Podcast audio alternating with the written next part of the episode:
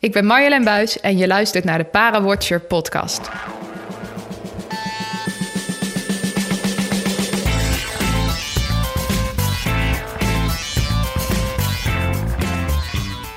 De laatste 2,5 jaar werkte ik intensief samen met rolstoeltennister Marjolein Buis. Zij sprak mijn WhatsApp vol en ik schreef haar nieuwsbrieven, persberichten en teksten voor haar website. En ondanks dat ik vaak meer van haar wist dan de buitenwereld mocht weten, zag ik het niet aankomen dat ze na Roland Garros per direct een punt achter haar carrière zou gaan zetten. In deze podcast blik ik met Marjolein terug op dat laatste jaar. En ga ik op zoek naar het antwoord: wat heb ik over het hoofd gezien? Wanneer besloot ze dat het mooi geweest was? En hoe is ze tot dat besluit gekomen?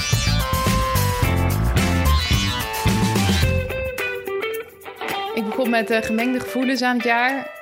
Vond het niet leuk dat het verplicht mijn uh, laatste jaar was. Dus ja, ik ging eerst naar Australië. En Australian Open is mijn favoriete toernooi. Maar eigenlijk kon ik er niet optimaal van genieten. Ik stond uh, mijn laatste single met tranen in mijn ogen op de baan te spelen. Omdat ik dacht, ik sta gewoon super slecht te spelen nu. En dit is mijn laatste kans hier. En ik ben het gewoon zelf aan het verprutsen. En ik kan hier nooit meer spelen. En het was echt gewoon helemaal niet leuk. En wat ik zeg, mijn favoriete toernooi... Uh, als je daar dus heel veel fijne mensen hebt leren kennen... en dan moet je afscheid van nemen en uitleggen... waarom je nooit meer mag komen en tot nooit... ja, daar hield ik eigenlijk heel gemengde gevoelens aan over. En ik dacht wel van, nou, er wordt nog wel dit jaar... met al die toernooien waar ik voor het laatst ga komen... en dezezelfde gevoelens uh, wellicht ga ervaren. Maar goed, uh, vol goede moed weer gaan trainen... richting de volgende toernooien in Amerika in maart. En ik denk dat de meesten wel weten wat er vanaf maart in de wereld gebeurde... Toen werd het uh, opeens een totaal ander 2020 dan we voor ogen hadden. Ja, ja, ja. ja jij zat in, uh, bij de Georgia Open. Uh, je had een paar dagen getraind. En eigenlijk nog voor jouw eerste wedstrijd werd er gezegd... jongens, toernooi afgelast, iedereen zo snel mogelijk naar huis. heb, jij toen, heb jij toen al het idee gehad van, joh, dit was het? Nee, ik was op dat moment alleen maar bezig met... ik hoop dat ik een vlucht kan vinden om terug te komen in Nederland voor Trump ja, op vrijdagavond zou die al het luchtverkeer van Europa naar Amerika uh, blokkeren. En ik dacht, ja, dat is leuk, maar dan kan ik waarschijnlijk ook niet meer terugvliegen als er geen lege vliegtuigen in Amerika klaarstaan om naar Europa te gaan. Dus ik was alleen maar bezig met thuiskomen en helemaal niet met de consequenties voor Tokio of iets anders. Dat kwam pas toen ik eenmaal een paar dagen ja, weer in Nederland was. Ja, want je bent toen redelijk snel kon je toch naar huis. Uh, thuis gaan trainen. Uh, nou ja, inmiddels zaten wij hier ook in een, lockdown. Dus nou ja, ik geloof dat deze huiskamer toen omgetoverd is tot, uh, tot gym. Of, was het je slaapkamer? Ja, het was mijn slaapkamer waar ik de meeste attributen had gelegd. En stond een home trainer in de woonkamer. Maar ik ben inderdaad na een week of anderhalf in Nederland... dus ja, even niks gedaan te hebben vanwege de lockdown... ben ik fanatiek weer gaan trainen. In eerste instantie alleen fysieke training, want ja, alle tennisbanen, alle tennisparken waren dicht. En later ook op een uh, privébaan bij mensen, een dorp verderop in de achtertuin. Zodat ik toch in vorm beleef met het idee van als de toernooien weer van start gaan, dan, ja, dan wil ik er klaar voor zijn, dan wil ik er zijn. Dus ja, het idee was op dat moment nog van Tokio gaat door. En ook voor Tokio zullen er weer toernooien zijn. Fit blijven en hou die focus vast. Maar je moet toen ook wel eens gedacht hebben van... Ja, verdorie, ik had me mijn afscheidsjaar wel uh, anders voorgesteld. Om eerlijk te zijn, toen al vrij snel bekend werd dat het toernooi in april in Azië niet door zouden gaan, was een gedachte die bij mij opkwam. Wat fijn dat ik daar niet ook afscheid hoef te nemen van iedereen. Oké, okay. dus dat was uh, zwaarder dan ik wil heel graag toernooien spelen. Nee, ik wilde wel graag toernooien spelen, maar die dubbele lading die elk toernooi had, uh, daar was ik niet zo blij mee. Dus Nee. zeg maar dat pijnlijke moment dat ik in Australië had ervaren van mensen tot nooit. Ik ben hier tien jaar geweest en ik vind jullie allemaal super aardig en leuk en we hebben een geweldige tijd gehad, maar ik ga jullie nooit meer zien. Ik dacht dat dat niet herhaald hoeft te worden in Azië, dus in Korea en Japan. Ja, dat, dat vond ik niet erg. Dus dat maakte het niet doorgaan van de toernooien minder vervelend. Ja, ja. Ja, je wilde liever niet, niet hoef, afscheid hoeven nemen dan dat je daar wel kon tennissen. Nou, ik zeg niet dat ik liever niet wel had getennis, maar het was een verzachtende omstandigheid. Ja, precies, precies. Maar, maar al snel uh, wordt, komt dan het besluit, oké, okay, Tokio wordt 2021. Uh, en als ik even terugdenk aan ons contact, denk ik dat dat, voor mij was dat het eerste moment dat ik echt aan jou merkte van, oké, okay, nu is er de twijfel van wat nu? Ja, ja, dat klopt. Ik had mij mentaal helemaal ingesteld op rond september, oktober 2020 stop ik met tennis. En toen was het opeens, we schuiven het eh, een jaar op. En nog los van het feit dat nog niet bekend was gelijk of ik nog een jaar langer mocht tennissen vanwege de nieuwe IPC-classificatieregels, dacht ik, ik ga niet automatisch zeggen, joh, dan plakken we er gewoon een jaartje achteraan alsof er niks aan de hand is en dat altijd al uh, mijn plan was geweest. Ik denk dat is echt een beslissing die ik wel overwogen moet nemen. Dus daar ben ik eerst eens uh, rustig over gaan nadenken. En dat rustig nadenken heeft wel een paar maanden geduurd. Ja, want, want nou, neem mij eens mee in dat gedachteproces. Wat, wat, voor, wat voor dingen kom je dan tegen? Nou, mijn plan was eigenlijk om na de Spelen in 2020 uh, mijn studie op te pakken en stage te gaan lopen. Ik ben bezig met het laatste jaar van uh, studie psychologie. En voor mijn master moest ik een stageplek zoeken. En ik had het plan rond november 2020 met stage te beginnen. En nu dacht ik, ja, als we Spelen een jaar opschuiven... en ik dan ook pas november 2021 stage ga lopen... ja, dan duurt het allemaal wel heel erg lang voor ik klaar ben met mijn studie... en ook klaar voor een maatschappelijke carrière. Dus ik dacht, nou laat ik alvast op zoek gaan naar een stageplek om te kijken of ik in 2020 die stage kan lopen. Zodat mocht ik besluiten, ik ga door tot Tokio 2021, ik niet een heel jaar uh, van mijn studie kwijt ben. Nee, er geen verloren jaar is. Ja, geen verloren jaar. Dus ik ben in april al uh, op zoek gegaan naar een stageplaats. Heb die ook gevonden en ben begin juli begonnen met mijn stage. Um, op zo'n manier uh, de uren ingepland dat ik er wel naast kon blijven trainen. En ook dat ik met de jaarwisseling klaar ben met stage lopen. Zodat de mogelijkheid er was om vanaf januari echt weer fulltime te trainen en ook naar Australië af te reizen. Ja, ja. Moest je nog een keer naar Australië? Ja, dat was wel iets. Inderdaad, ik dacht, ik heb al afscheid genomen van iedereen. En dan is het, hallo, ik ben er weer. En ik had mezelf ook gezegd uh, toen ik terugkwam uit Australië... van Marleen, je hoeft nooit meer zo lang in een vliegtuig te zitten. Je gaat nooit meer twintig uur achter elkaar vliegen... en zo'n idiote, of idioot lang, ja, het is natuurlijk echt een verschrikkelijke reis. Als je er eenmaal bent, is het leuk. Maar de reis op zich, ja, dat is natuurlijk echt even verstand op nul en, en doorzetten en, uh, ondergaat maar. Ik dacht, dat hoeft nooit meer. En nu dacht ik, oh, nog een keer. Ja, dat is wel even een dingetje. Ik denk, wat, wat ga ik dan doen? Ga ik het dan benutten door er nog een weekje vakantie aan vast te plakken of zo? Dat zijn allemaal wilde ideeën die helemaal niet concreet zijn, die dan door je hoofd gaan. Maar het was wel even van, ja, ga ik, in, ga ik nog een keer naar mijn favoriete toernooi? Ja. Maar ja, goed, met die stage hield je dus de optie open. Uh, ik ga wel door tot Tokio. Ja, dat klopt. Want ik wist op dat moment gewoon nog niet wat ik wilde doen. Dus ik dacht, laat ik gewoon alle opties open houden, maar ook voorkomen dat ik stil kom te staan en een heel jaar verlies. Nou, dus nou ja, ik, ja, ik vond het zelf een mooie combinatie eigenlijk. Ja, was het ook. Nou ja, we hebben het toen ook over gehad. Van, goh, wat een fantastische oplossing eigenlijk. Je benut de tijd die je ineens gegeven wordt. Uh, heel nuttig. Ja, en ik was zeker in het voorjaar ook blij dat ik nog los van die stage ook een, uh, een ander vak had van mijn studie waar ik mee aan de slag kon. Dat ik dacht, ja, al die uren die ik opeens vrij heb, die kan ik ook nuttig besteden. Natuurlijk niet dat ik 24-7 met nuttige dingen bezig ben. Ik heb ook wel uh, ontdekt dat er nog wat nieuwe series op Netflix waren of zo. En je hebt veel gepuzzeld. En ik heb veel gepuzzeld, die legpuzzels van een paar duizend stukjes. Um, maar het was heel fijn om iets anders om handen te hebben. Waar ik bij sommige collega's zag dat ze dachten: ja, wat moet ik met mijn tijd? En ik ken niks anders dan bijvoorbeeld tennis of een andere sport en help, wie ben ik überhaupt nu dit allemaal wegvalt, had ik gelukkig heel veel om handen om mee bezig te zijn. En uh, ik ben vrijwilligerswerk gaan doen. Ik heb corona heel Beuningen opgezet. Daar ging heel veel tijd in zitten in het voorjaar. En op die manier bleef ik gewoon bezig. En ja, had ja. ik de tijd om rustig na te denken over... wil ik nog een jaar door naar Tokio? Ja, ja. jouw voordeel is wel in deze... Um, dat jij wel al goed na had gedacht... wie ben ik? Wat wil ik na mijn tennis? Ja, dat was uh, al vrij duidelijk. Al moet ik zeggen dat ik nu pas tijdens mijn stage in de psychologie erachter kom dat ik het ook echt leuk werk vind om psycholoog te zijn. Want de studie psychologie is heel theoretisch de eerste jaren.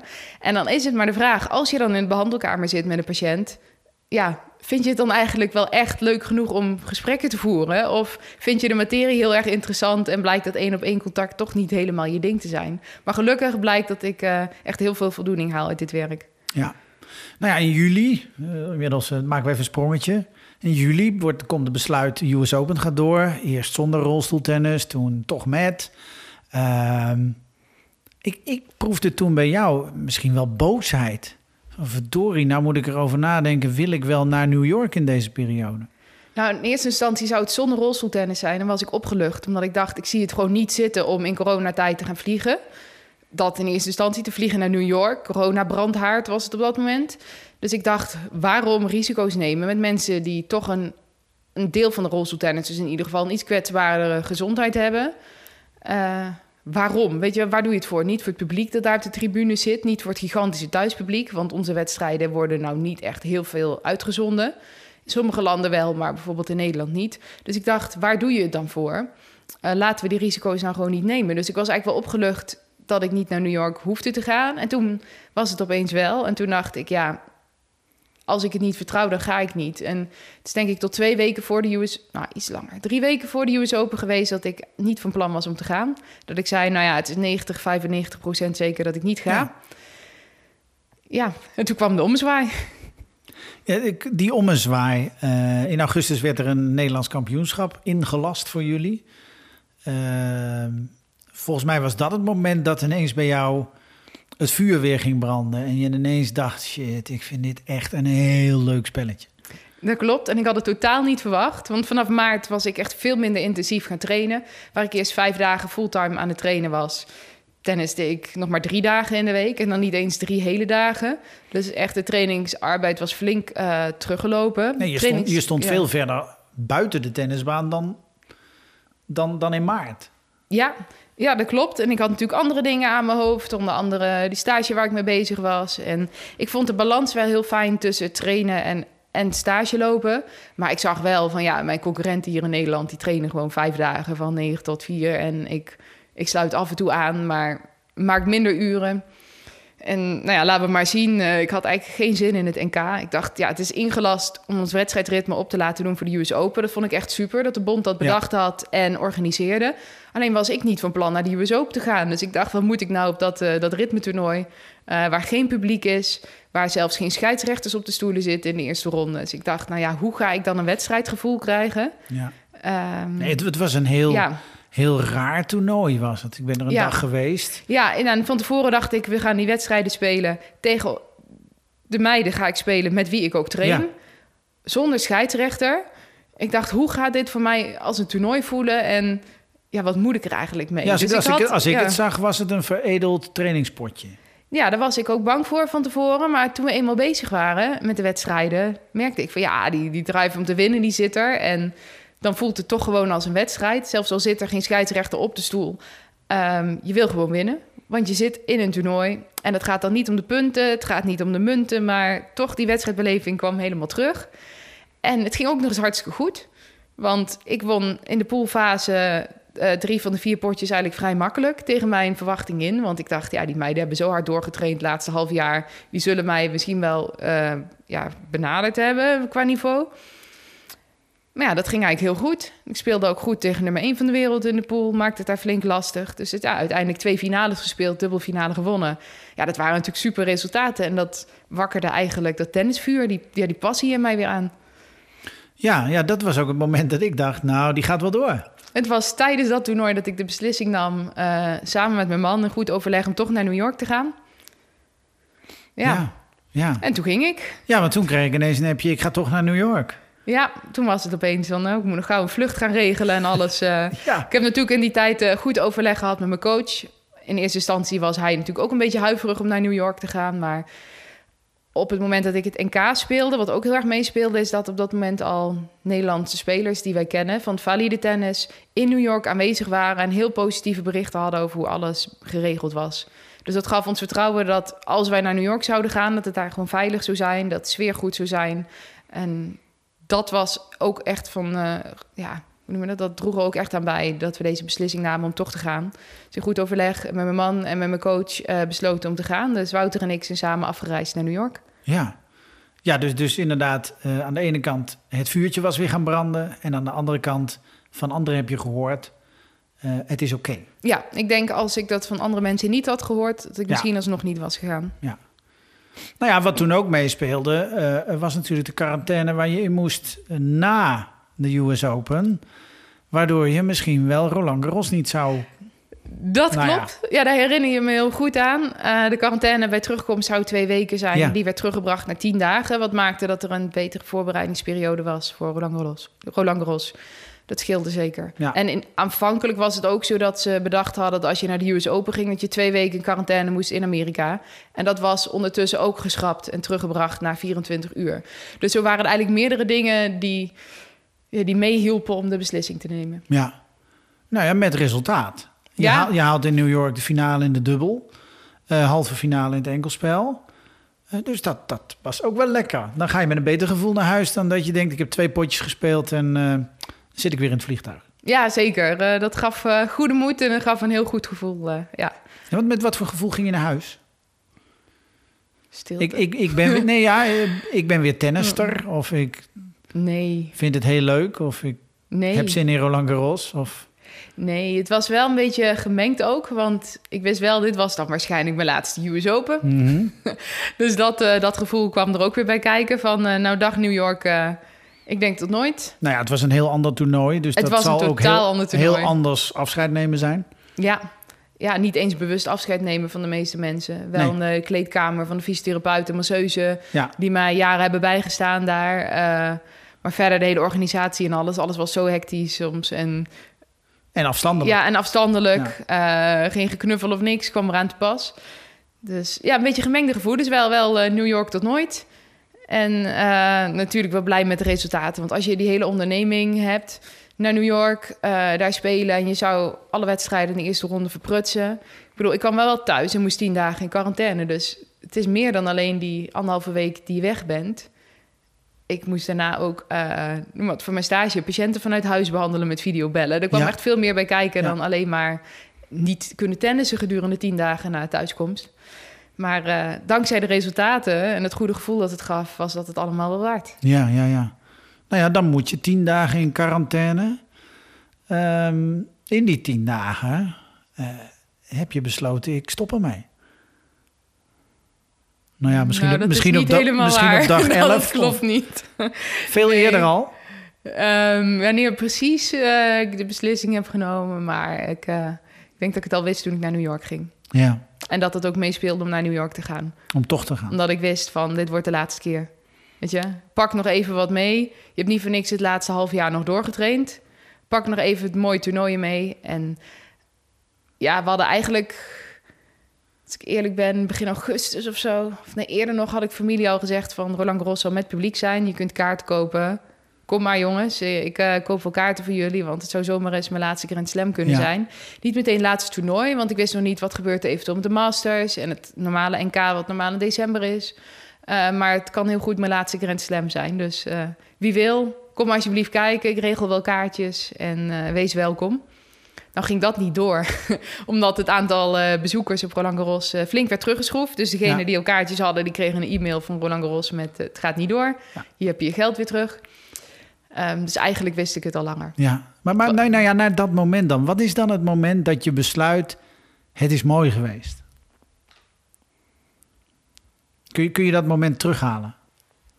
Het was niet een moment van, oh, het kwartje valt nu... of opeens gaat er een lichtje branden... of wat voor mooie metafoor je ook wil gebruiken. Nee, dat is geleidelijk zo uh, gegroeid. Ja, maar er is een ja. moment dat je, dat je s'morgens wakker wordt... en dat je tegen Jos zegt... Hé, hey, schat, weet je, ik, uh, het is, mooi, geweest. ja, het was niet echt één moment... maar ik denk dat dat besef toch wel tijdens dat NK kwam... waarbij eigenlijk ik mijn passie voor tennis herontdekte... Maar dat ik toch dacht van, ja, het is wel mooi geweest. Je, er speelden meerdere dingen mee. Ik was ondertussen al een paar maanden stage aan het lopen en dat beviel ontzettend goed. En daarnaast was het ook zo dat het fysiek voor mij gewoon steeds moeilijker werd om te rolstoeltennissen. Ik heb een progressieve aandoening. Mijn rug is gewoon achteruit gegaan de laatste jaren. En waar de concurrentie alleen maar sterker wordt, uh, is het voor mij eigenlijk onmogelijk fysiek sterker te worden. En is het knokken tegen de achteruitgang.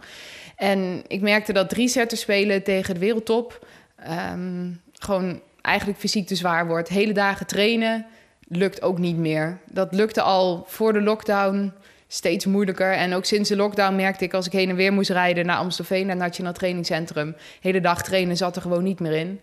En toen ging ik bij mezelf al nadenken van dit vuur dat ik nu voel tijdens het NK, dat is echt super, dat is mooi. Maar zie ik het fysiek nog zitten om nog een jaar lang dit op te moeten brengen. En toen dacht ik, ja, dat gaat gewoon niet. Ja, en dan is het de vraag, ga je op halve kracht door? Dat je zegt, ik blijf nou ja, een derde of de helft van de uren maken die ik tot 2020 maakte. Trainen op halve kracht. Uh, hopen op een gunstige loting. Want ja, wordt het een uh, moeilijke pot tegen de top 5 van de wereld. Ja, en die derde set, uh, zeg maar rug gewoon. Het is klaar, het is op. Nou ja, kan dat, niet meer. Dat soort lotingen heb je regelmatig gehad. Ja, inderdaad. En dan, en dan is het de vraag: wil je echt na tien jaar gewoon fulltime topsport. Met gewoon 100% inzet en passie er echt nog in je laatste jaar aan vastknopen? Uh, op halve kracht. Ik dacht, ja, dat kan misschien alleen maar als een teleurstellend laatste jaar gaan voelen. Waarbij je afzakt op de ranglijst, gaat verliezen van spelers van wie je voorheen wel won, maar tegen wie je het fysiek misschien niet meer trekt. Of omdat zij gewoon meer tijd kunnen investeren. Ik dacht, ja, nee, dat is het eigenlijk niet waard. Dus laten we gaan kijken hoe ik uh, nog een paar mooie toernooien kan meepakken. Ik heb natuurlijk niet nog een half jaar uh, voor niks getraind vanuit, vanaf de lockdown, zeg maar, tot het NK. En ik merkte, dit is echt mooi, dus laat ik gewoon nog een paar mooie toernooien kiezen. US Open, Roland Garros. Dus ja, eigenlijk kwam het denk ik tijdens het NK. En daarom kwam ook tijdens het NK de beslissing van... ga nog maar één keer naar de US Open. Ga gewoon, het wordt dan de laatste keer en ga ervan genieten. Ja, ja. Nou ja, kort voor Roland Garros stuur jij mij een appje. Ik, heb het, ik heb het even opgezocht, het was op 2 oktober. Dus ongeveer een week voordat het toernooi begin, begon. Goh Robin, we moeten iets met een soort afscheidsfilmpje... of met mijn laatste punt. En nou ja, Gelukkig kan ik vrij goed begrijpend lezen. Dus stuurde ik jou, oh, je stopt. Uh, vanaf dat moment zijn wij bezig geweest van... oké, hoe gaan we dat vertellen? Want dat hele Roland Garros was niet meer zo belangrijk, toch? Nou, ik dacht, het is wel de laatste kans... om nog een keer het enkelspel een Grand Slam finale te kunnen halen. Ja. Ook een dubbelspel natuurlijk. Maar mijn doel voor 2020 was oorspronkelijk medaille winnen op de Spelen... en nog een keer enkelspel finale op een Grand Slam. Ik dacht, nou ja, dan moet het nu gebeuren... Ik dacht, stel nou, je weet, heel kleine kans gezien de statistieken, maar ik weet dat toernooi dan gewoon te winnen. Dan kun je gewoon zeggen, ja jongens, uh, stop ja, het hoogtepunt, dit was zijn, het. Ja. Het zou natuurlijk een heel mooi moment zijn geweest. Um, maar tegelijkertijd, stel nou dat ik daar supergoed zou doen, dan zou dat weer twijfel brengen. Van ja, moet ik dan niet toch door, zie je? Zelfs ik zou daar winnen van nummer 1 of 2 van de wereld. En ik zat daar heel dicht in de buurt tot die rug het weer begaf halverwege de wedstrijd. Ik dacht, ja, dan gaat dat ook weer twijfel zaaien. Dus natuurlijk, je hoopt daar gewoon te winnen, maar het feit dat ik daar nu verloor, uh, die eerste ronde in drie sets, omdat het fysiek inderdaad weer eens niet meer ging met mijn rug, was wel een bevestiging van ja, dit is de juiste beslissing. Ja, dat, dat het fysiek ook niet meer haalbaar is. Van, ik heb echt de juiste beslissing genomen, want uh, het zit er gewoon niet meer in. En uh, ja, het is mooi geweest. Ja. En het was mooi. Ja, nou ja, het einde was iets minder. Ja, natuurlijk. De toernooiresultaten op het laatste toernooi, die waren niet waar ik voor ging. Um, maar ja, het was sowieso een heel dubbel toernooi. Want als je weet, ik ga nu voor de laatste keer uh, de baan op. En in mijn laatste wedstrijd was een dubbel. En we stonden dik achter tweede set. Dus je weet, nou ja... Ja, maar dat was je ook... doet je best, maar je trekt daar geen derde set meer uit dan. Nee, maar jij speelt daar met uh, Charlotte Van -hmm. die een wildcard krijgt... Uh, tegen, tegen Jordan Wiley en Yui Kamiji, beste koppel. Ja. Dan weet je van tevoren al dat het een redelijk kansloze missie is. Daarom. En als je dan achter staat, de tweede set... en ik moest, zonder vijf één, geloof ik, achter die tweede set. Ik moest serveren. Nou, toen kwam wel even het besef van... oké, dit is de laatste game ooit die ik ga serveren. Ja. Want even reëel gezien, wij zouden niet nog vier games winnen... zeg maar, waardoor ik nog een keer zou serveren die wedstrijd. Dat was wel even een momentje om te slikken op de baan. En toen matchpoint was, want ik dacht al voor het toernooi begon... oh jee, ik wil mijn carrière niet eindigen met een dubbel fout... en nu was het matchpoint op mijn service. En ik dacht, oh nee. Dus ik was heel blij dat mijn eerste service in was... en dat daarna ja. gewoon rally volgde. En, uh, ja, prima. Maar dat zijn dan dingen die door je hoofd gaan. Dat hoort helemaal niet. Bij Grand Slam moet je elk punt super gefocust zijn. Maar ja, in die game was dat toch even nee, maar wat dat, minder. Dat kan dan niet meer. Dat, nee, dat kan dat dan er is iets groters. Ja. ja. Dus dat was uh, ja, bijzonder om uh, zo mee te maken. Nou, hoe beleef je dan zo'n toernooi? Want jij wist het. Nou ja, Wouter zal het geweten hebben. Mm -hmm. Jos was mee naar Parijs. Jos was mee. Maar verder, verder van de speelsters uh, wist niemand Ik het. heb niemand van de spelers ingelicht. Nee, het was al zo'n dubbeltoernooi voor mij. Ja. Het voelde al heel beladen om daar uh, te zijn in de wetenschap dat het voor het laatste was. En ik dacht, als iedereen dat weet, dan kan het alleen maar meer drama en meer emotie oproepen dan, uh, dan als niemand het weet. Dus ja, er waren wel wat mensen bij de tennisbond die ik onder andere al had ingelicht. Um, maar die waren daar niet uh, aanwezig. Dus, nee, precies. Dus het was uh, een vreemd onderontje dat we dan eigenlijk hadden. Ja, want nou ja, je hebt dan je laatste punt gespeeld. Uh, ik kan me voorstellen dat roept, nou ja, je zegt het zelf al, dat roept best emoties op. Maar eigenlijk kunnen die er op dat moment niet uit, want nog niemand weet dat. Nou, dat had er best wel uitgekund op dat moment hoor. Maar het scheelt wel. Voelde lang aan dat we die wedstrijd gingen verliezen. Dus nog Ja. wat anders dan als je in een tiebreak derde set Ja, net ja, ja. niet wint. Eh, dan zit daar nog veel meer wedstrijdspanning bij. Ik had die wedstrijd geen wedstrijdspanning. Ik stond voluit te spelen. eh, had niks te verliezen. En eh, nou ja, eigenlijk toen, we de, toen ik de baan afkwam, was het even van oké. even naar de kleedkamer, spullen pakken, omkleden. Laten we maar gauw gaan, dan kunnen we vandaag nog naar huis rijden. Ja, ja, ja. ja. Dat was ook even praktisch. Het was het einde van de middag. Het was denk ik een uur of vier of zo, half vijf. En we dachten, nou, als ik nu gewoon even alles regel... dan eh, kunnen we allemaal nog in de auto stappen. En, eh, ja, dan ga je even in die pra- gaan. praktische modus. Praktische modus en daarnaast ook zo van... oké, mijn nieuwe leven is begonnen. Ja. Dat was ook een gedachte die door mijn hoofd ging. Die wedstrijd was klaar, ik kwam de baan af. ja, je rijdt naar huis en je bent geen tennister meer. Ja, maar op dat moment wist nog bijna niemand dat. Nee, maar jij wel. Ja, ik wist het. Ik dacht, mijn nieuwe leven is begonnen. En dat was niet van, jippie, feestje, de vlaggen hangen we uit. Eh, maar het was wel een besef dat ik had. En natuurlijk een keuze die ik gemaakt had... waar ik volledig achter stond, ook op dat moment. Ehm, maar wel een, een heel raar besef van... ik ben geen topsporter meer. Nee. nee wat, wat, wat praktisch, wat betekent dat? ja, dat betekent eh, dat ik eh, na Roland Garros... anderhalve week niks aan sport heb gedaan... en daarna toch weer besloten heb... oké, ik, moet, ik moet ook blijven sporten. Ja. Met mijn handicap, om fysiek te kunnen blijven functioneren, moet ik de rest van mijn leven toch zeker drie keer in de week blijven sporten. En ik dacht, ik ga nu even niet tennissen. Ik ga wat anders doen. Dus het is eh, zwemmen en fitness geworden. Mhm.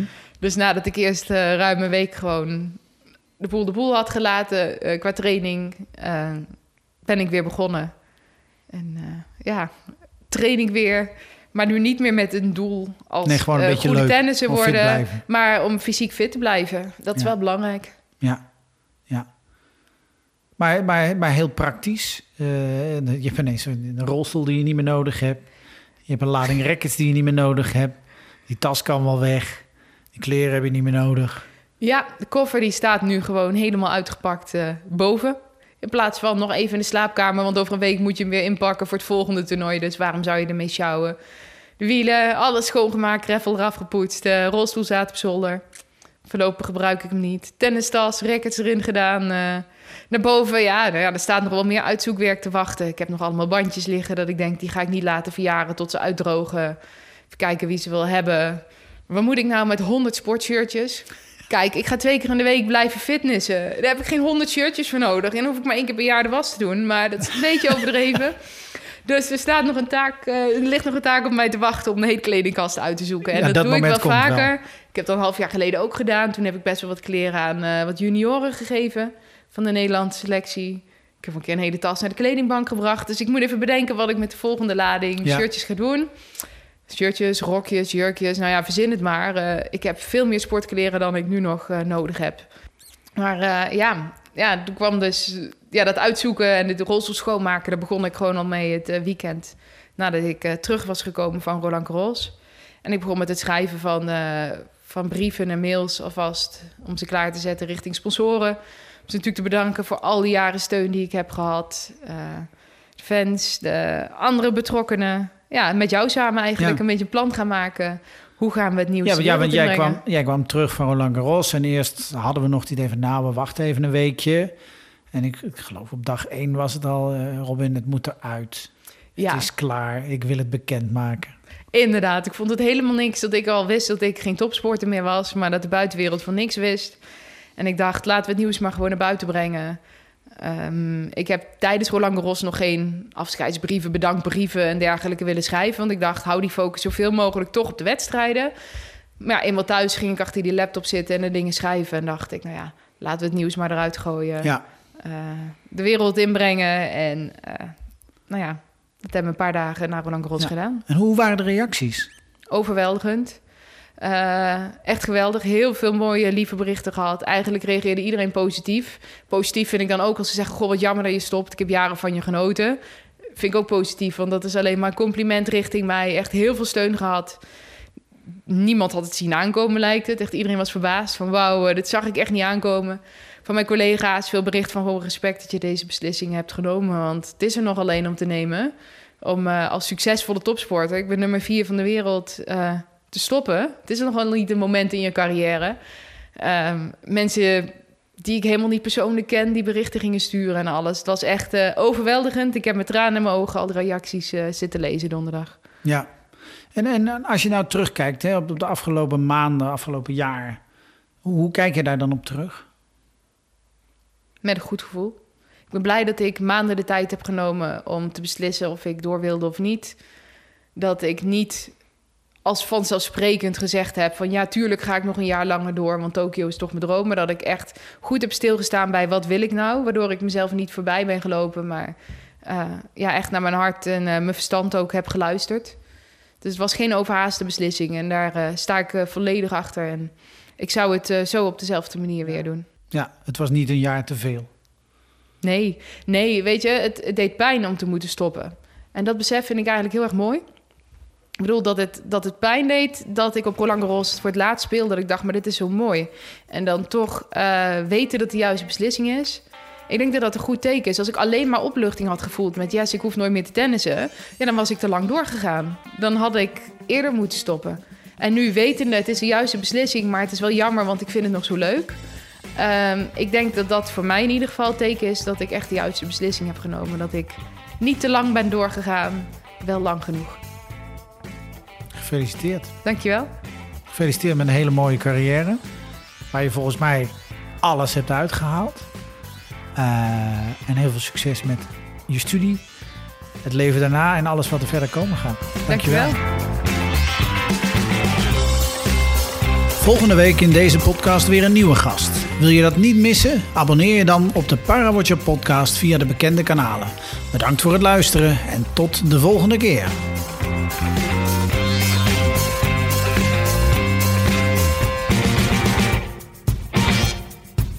Tokio is nog ver.